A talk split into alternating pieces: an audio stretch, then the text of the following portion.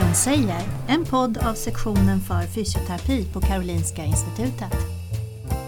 Vi som arbetar här forskar och undervisar om samspelet mellan rörelse, fungerande och hälsa. Och här i podden delar vi med oss av vår kunskap till alla som vill lyssna. Fysion säger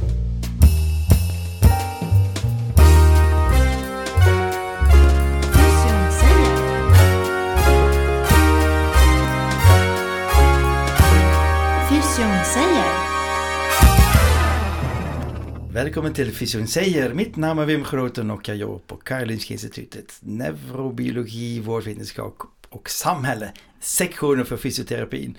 Och här kommer nästa podd. Jag har tappat räkningen. Men eh, vi är inne på vår eh, andra säsong.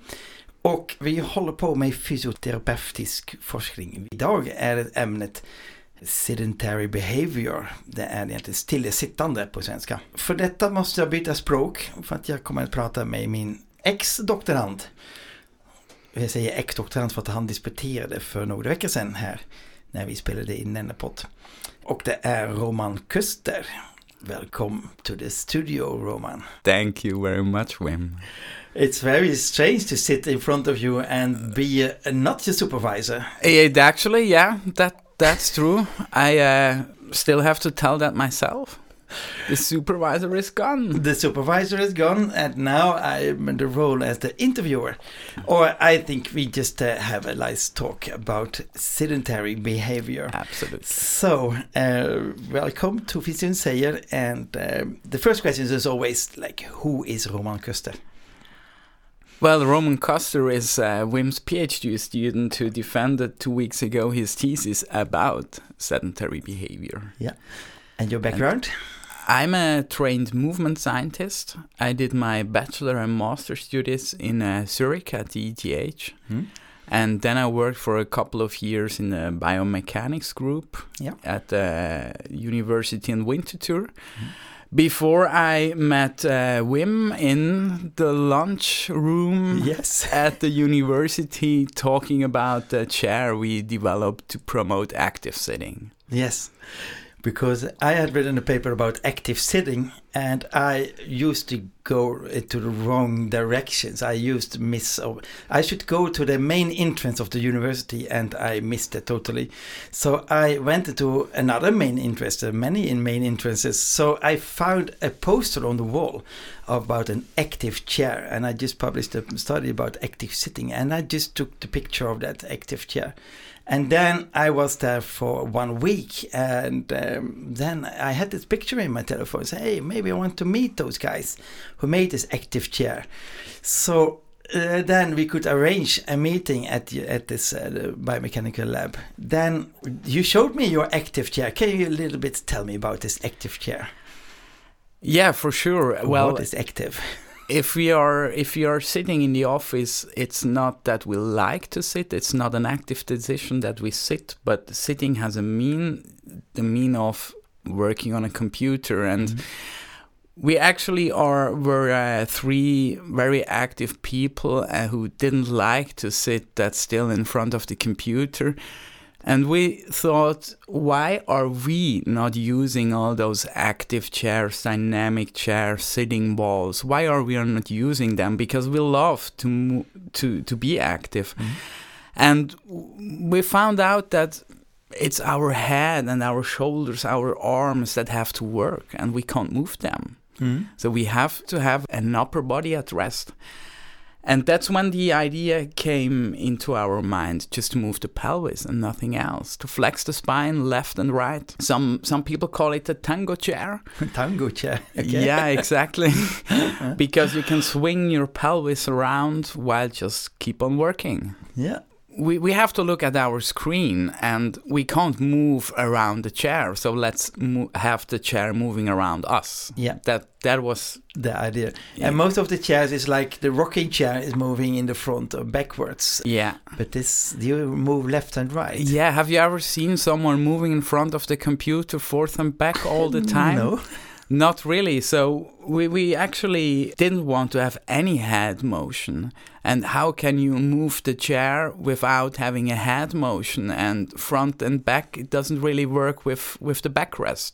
Yeah. So if we take away the backrest, we can go to a 3D chair. Yeah. But with backrest, the front back mo- movement doesn't really make sense. And another idea was we looked at walking how mm. what what is the movement we have while walking because a couple of people they can relieve the pain if they stand up and walk mm. so in the frontal plane, left, right, we have quite a big of spine movement yeah. during walking, the lateral flexion, mm. and that's exactly what we wanted to have on the chair. Mm. Interesting. So you made this uh, this chair, and then you made some uh, research on it, and actually you had this chair also in your dissertation in one of your publications. Absolutely, absolutely. Well, my motivation was to be able to measure active sitting on this chair. Yeah. So, is there any active sitting on this chair or not? We couldn't really measure that. I mean, from the movement lab, we, we, we, we knew that we have motion, we have activity. But what happens if we just give the chair to someone working day in, day out on this chair? And well, there was no method to measure active sitting, and that's how I stepped into that field of sedentary behavior inactive sitting. I wanted to measure active sitting and not inactive sitting. That's very interesting. So uh, let's go from the beginning. So that means that uh, you made this chair, you want to study the movements, and you, you could study movement. But if the if the problem is that people are too inactive, there is no movement, so there's no movement to be studied absolutely, absolutely. But what we want is to promote activity. We yeah. want to make a more active work. So we can measure when we succeed, but otherwise you're absolutely right. If there is no movement we can we can't measure movement. We don't have activity but we are still able to measure that there is no movement. Yes that's interesting. Because okay let's oh, uh, now it will be in, complex because the, the topic of today is sedentary behavior. And we need to define such a things what is sedentary behavior in the first place well, I would say it's inactive sitting. It's simply a synonym for inactive sitting, and that's also what is most frequently used when we talk about sedentary behavior. There are some alternative definitions. Sometimes it's just sitting, sometimes it's just being inactive, but I would say 95% of the time it is inactive sitting. Yeah. So it is both one component is the posture, you need to yeah. be sitting, and the other component is to be inactive. Absolutely. So if you're standing, is by definition not sitting. Absolutely. But if you're sitting and doing things, is that then sedentary behavior? That's no, it's not. And that's exactly where the active sitting part comes into place. If we are not able to measure active sitting, how should we be able to measure inactive sitting or sedentary behavior? Yeah. So we have to measure posture and physical inactivity at the same time. Yeah. And until now, what has been used in those studies? I mean, we have so much information about sitting is the new smoking and all kind of recommendations that we should avoid sitting. Uh, how did those studies measure this then? We we there have physical activity sensors, and hmm? if these sensors do not detect any physical activity. We talk about being physically inactive. Yeah. And the vast majority of the evidence is collected with those sensors. So, strictly spoken, we talk here about physical inactivity and not sedentary behavior. Mm-hmm. But on the other side, the recommendation for sedentary behavior is since a couple of years to use a posture sensor. Mm-hmm. And with posture sensor, we are very valid in measuring posture, sitting, standing, or locomotion. But if we just measure sitting, we do not look at active sitting and inactive sitting. So when I started this PhD, we had no idea how active people sit. Mm. Is there something like active sitting, or is it just a myth, or just something you you see in the lab but not in real life? Mm, interesting. So, what was then your, your step, your first step to do? Well, the, the first step was to invite people to our office and give them some office tasks and then really just have a look at how active are they. Mm -hmm. We, throughout uh, the whole work we did, we always did the measurements in sitting and standing because we, we often talk about sedentary behavior in active sitting in that context. Wim, you said it before if we stand, we can't be sedentary, but we still can be inactive. Yeah. So we, we included both sitting and standing and looked at the physical inactivity level in both posture. And from that lab studies, we have seen that there is something like active sitting, but on the other hand, there is also something like inactive standing. And then you need both one measurement for posture and one for physical activity, or can you measure with one?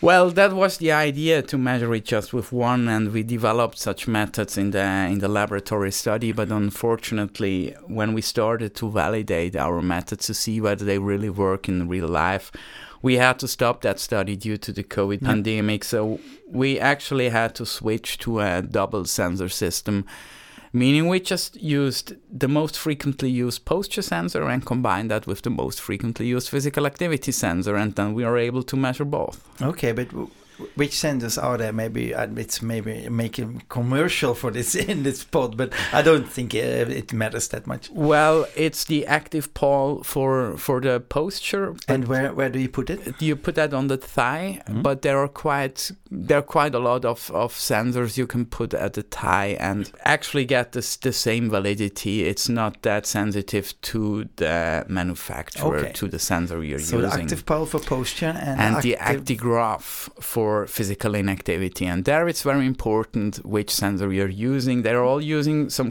count per minute measure. Mm, what is that, count per minute? Well, it's a good question. I can't answer it. oh, yeah. It's the sensor manufacturer provides you with a software and this software converts the accelerometer signal into a counts per minute so mm-hmm. they count something and summarize it for a minute and we have a couple of manufacturing such sensors, and you can't really compare those because each sensor uses a different algorithm to come to these counts yeah. per minute. So it's the same, uh, the one to in iPhones and Samsung phones uh, making activity. It's basically we have the same input signal, the acceleration, but how to transfer that into the counts per minute is for for for every manufacturer different. yeah. yeah. But it, it, it turned out to be that, uh, in particular for the Actigraph, it really works to classify the different physical activity levels, low, moderate, vigorous. It actually works quite nice with mm. those cut points. And where where do you put the accelerometer then? You vary the Actigraph around uh, around the waist. Hmm? You wear it typically on a belt around the waist. Yeah. And you usually put it down for water based activities or if you go sleep yeah. and put it on again in the morning. So you measure the whole day. Exactly. For a week or something like that. Yeah, exactly. That's that's a bit the advantage of posture sensor. You tape them really on the thigh and you can use that 24 hour a day. Oh yeah, that's good. It's a small advantage. Yeah. yeah. But um, I have also seen uh, that you use those Actigraph on the on the wrist. Yeah, that's a new a new trend to use it on the wrist because it's really very comfortable. I mean, you have to wear a belt around the waist, an additional one. Yeah. Or you just use a, a smartwatch. And yeah. that's basically just the principle we have with smartwatches out there with the same sensor technology in, and Google Fit or something else provides you with quite similar data. Mm-hmm.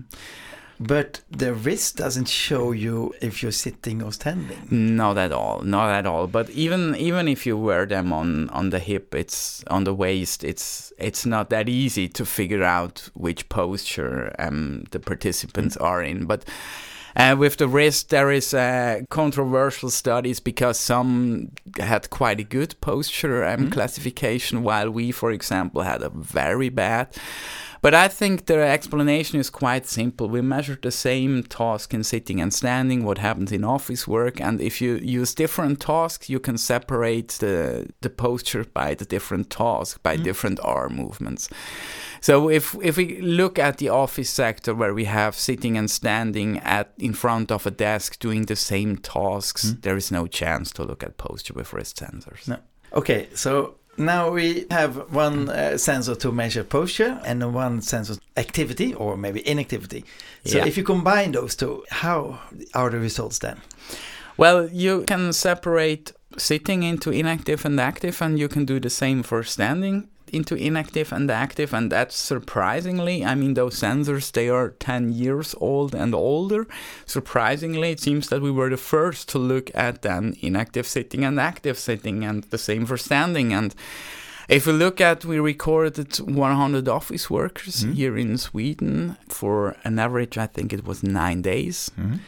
And if you look at the sitting, it's 25% of the sitting occurred active. Mm. So only 75% of sitting is inactive. And if we look at the standing that we thought would always be active, it was around 40% of the standing was inactive. All the ergonomics have told you that you have to stand to be active, but that's not true then.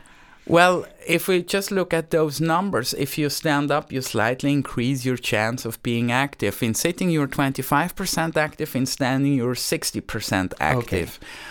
But if we look only at office hours, Yeah. uh, office standing isn't that active than the spare time standing. If you stand in your kitchen and doing some cookings, that's more active than standing in front of your desk and writing an email. Yeah.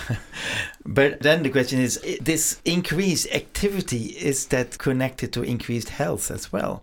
if we if we talk about inactive and active standing and Mhm. sitting well i'm i, I would say there is a, a tendency for that in particular very high activity levels are very good for for health. And i think we have uh, quite a lot of proofs there.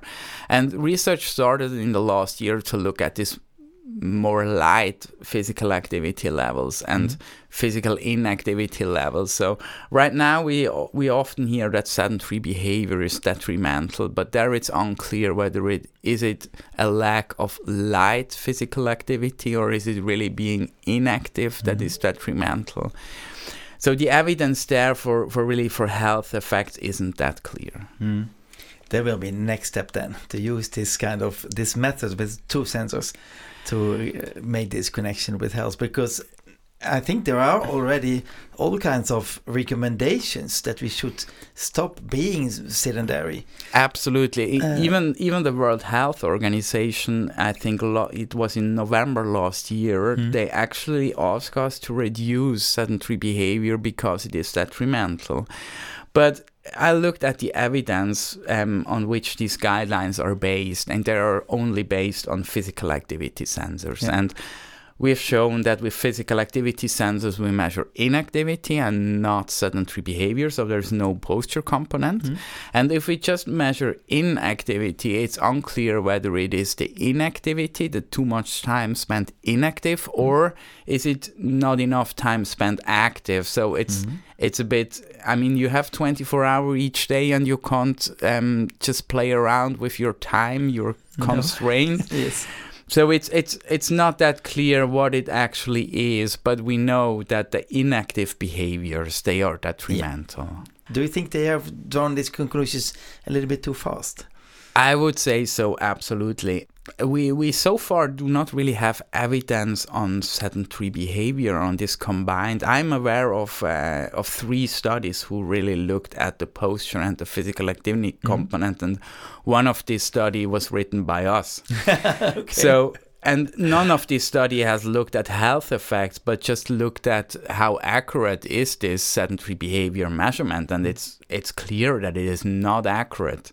And we we, we observed an overestimation of around one fourth if we just take such a physical inactivity Mhm. sensor um, and measure sedentary behavior with them. And if we look at the, the individual level, the variation is quite big. So we have some participants, when they are inactive, they are always sitting, and as soon as, as they stand up, they are active. Mm. But on the other hand, we have people who co- accumulated more time inactive standing than inactive sitting. So Yeah.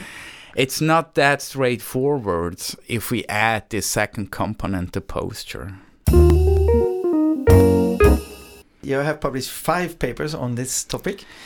Absolutely, I would say the main result is POPI, this combination, the posture and physical activity Yeah. index, the the combination on how to look at both components simultaneously, and we published detailed instruction that everyone else should be able to use that, or at least to contact me if they need some help to really look at posture and physical acti- inactivity separately. There are even guidelines that we should stand up in with Mm. respect to to the physical activity effects on on the human body and for example the american guidelines they say move more and sit less Mm. and for the sit less we don't have any evidence No. so we should just move more and we can do that in sitting it doesn't matter it looks that it doesn't matter Interestingly. So, after five years of uh, four and a half years of studying and publishing five papers, what is the recommendation for us normal people who's working with computers every day? Shall we sit, or shall we stand, or shall we do it both?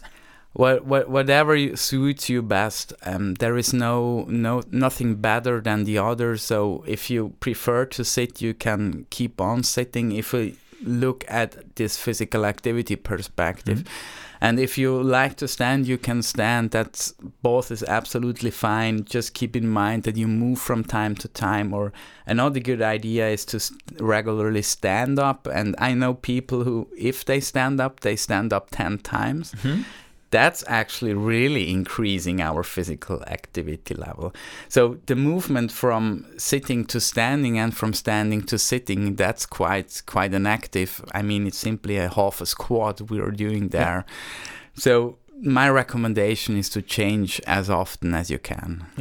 Because there are some studies which said that we need to reduce the bouts, the period of the, how long you're sitting. That is very important. What do you Yeah. think about that? Yeah, I think that's a bit unclear whether these bouts really matter. But how do I accumulate I, the, my my time sitting? I mean, it's also a bit if we just look at the one minute bout. I don't accumulate too many one minute bouts a, a day. Uh, I mean, it's just one minute, and I have to do it so often to accumulate a substantial amount of my time in one minute Yeah. bout. So it's more likely that I sit for one or two hours. But interestingly, I think this uh, bout analysis with really prolonged sitting one, two, three hour is maybe a bit from the from the past at the time when we looked at sedentary behavior by uh, asking people to how much do they um, watch t- television. Yeah. And that was that was the That was the best measurement for sitting. absolutely, absolutely. But is is uh, watching television a good measurement for sitting, or could we maybe do some other things while watching television, like snacking, or yes, yeah, yeah. Because uh, we we uh, went into directly into those measurements, those objective measurements. Because uh, can we ask people if they sit on stands? Well, we for sure can ask the people, and I do that sometimes when I have a presentation. But the question for me is, do I trust it? Um, if I uh, if I ask myself how much time did I spend sitting yesterday, I have absolutely no idea. Absolutely no idea. It's so much of my time, and uh, if I have to count uh, the hours, I would start with 24 hours and then subtract my sleeping, and then I have a couple of minutes that I was standing. I was maybe an hour or so active, and I I had to guess that it would be quite a lot. Yeah. And there are studies which actually compared it and asked people how much did you sit yesterday, and they measured it yesterday, mm-hmm. and we have a variation. Uh, it's approximately one or two hour difference on average, but the difference is up to plus minus seven, eight hours. Oh, that's not good. So- So, uh, we we should stop uh, using questionnaires uh, Uh, about this. I think so. I mean, the questionnaires, we have them from the physical activity research. And when I ask people, how active were you yesterday? Uh, Moderate activity, how many minutes you accumulated? That's something I do on purpose. I go out jogging and I know afterwards that Yeah. it was 20 minutes. But if it's a behavior that is spread throughout the day, Yeah, we not can't possible. count it. No, we can't count it. So that's why we need those objective measurements.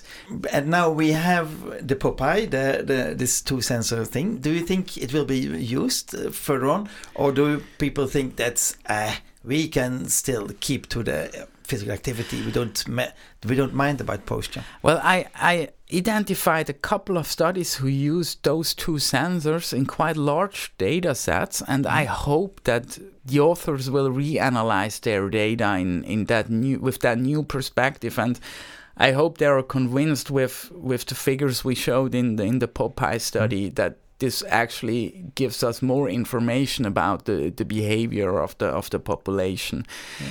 I don't think that um, the world will now change and uh, use only two sensors to measure both components because it's also a financial burden that you have and. Mm-hmm it's much easier to wear one sensor instead of two, and the easiest is to wear it on the wrist. Yeah. But we then always have to ask ourselves how valid is it, and is that a sufficient validity to answer our research question? And that really depends also on on the focus of a particular study. If we want to study the population, maybe uh, the feasibility uh, with, a, for example, a, a smartwatch is, mm. is pretty high, and we probably go for that sensor. But if we want to look at, at an office intervention with standing sit stand tables, mm. we must make sure that we can measure the posture component. Yes, of course.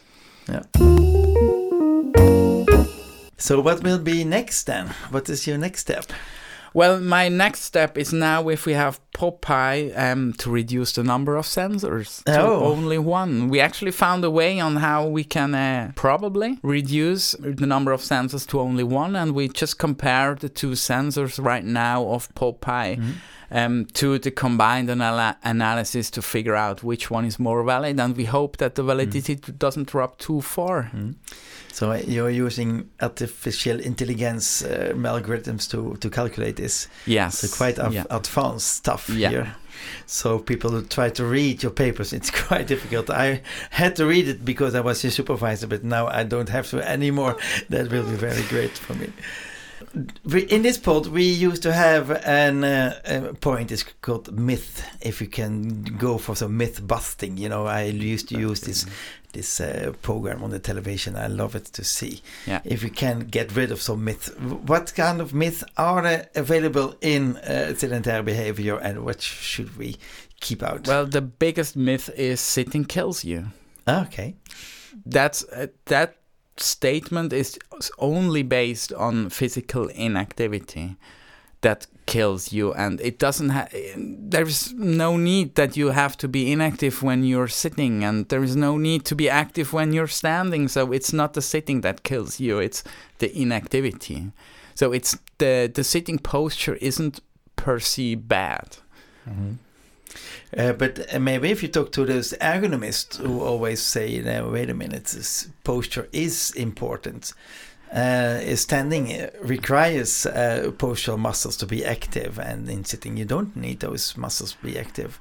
Is it isn't that important? I'm not that familiar with the with the ergonomics research, but we we there have to I mean, separate the topics. One is the physical activity perspective, and that's often the reason why we use those standing desks. Yeah.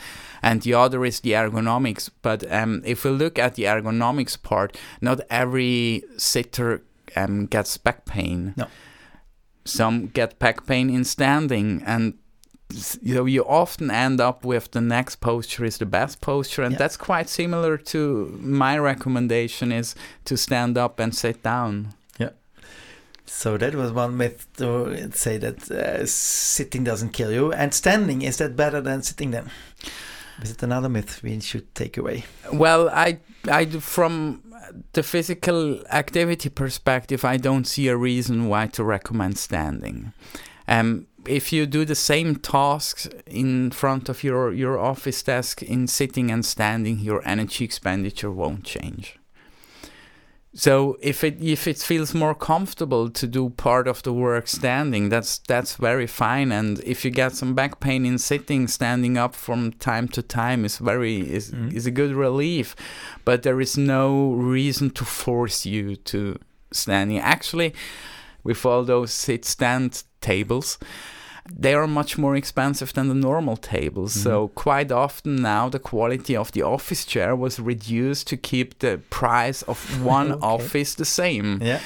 And that's a bit uh, it's a bit strange because there is not really a good recommendation that everyone should use a sit stand desk that everyone should work standing.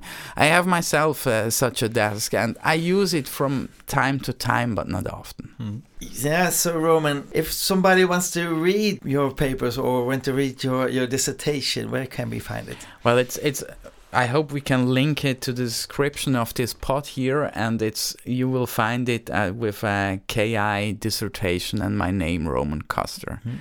It's published online, or just write me a mail and I will send you a printed copy. Well, that's good. I think everybody who is interested in measuring objectively uh, sedentary behavior should uh, read this paper. Thank you very much, Roman, for coming here. Thank you, Wim, for having me here. Du har lyssnat till podden Fysion säger, en podd som sänds från sektionen för fysioterapi på Karolinska Institutet. Fysion säger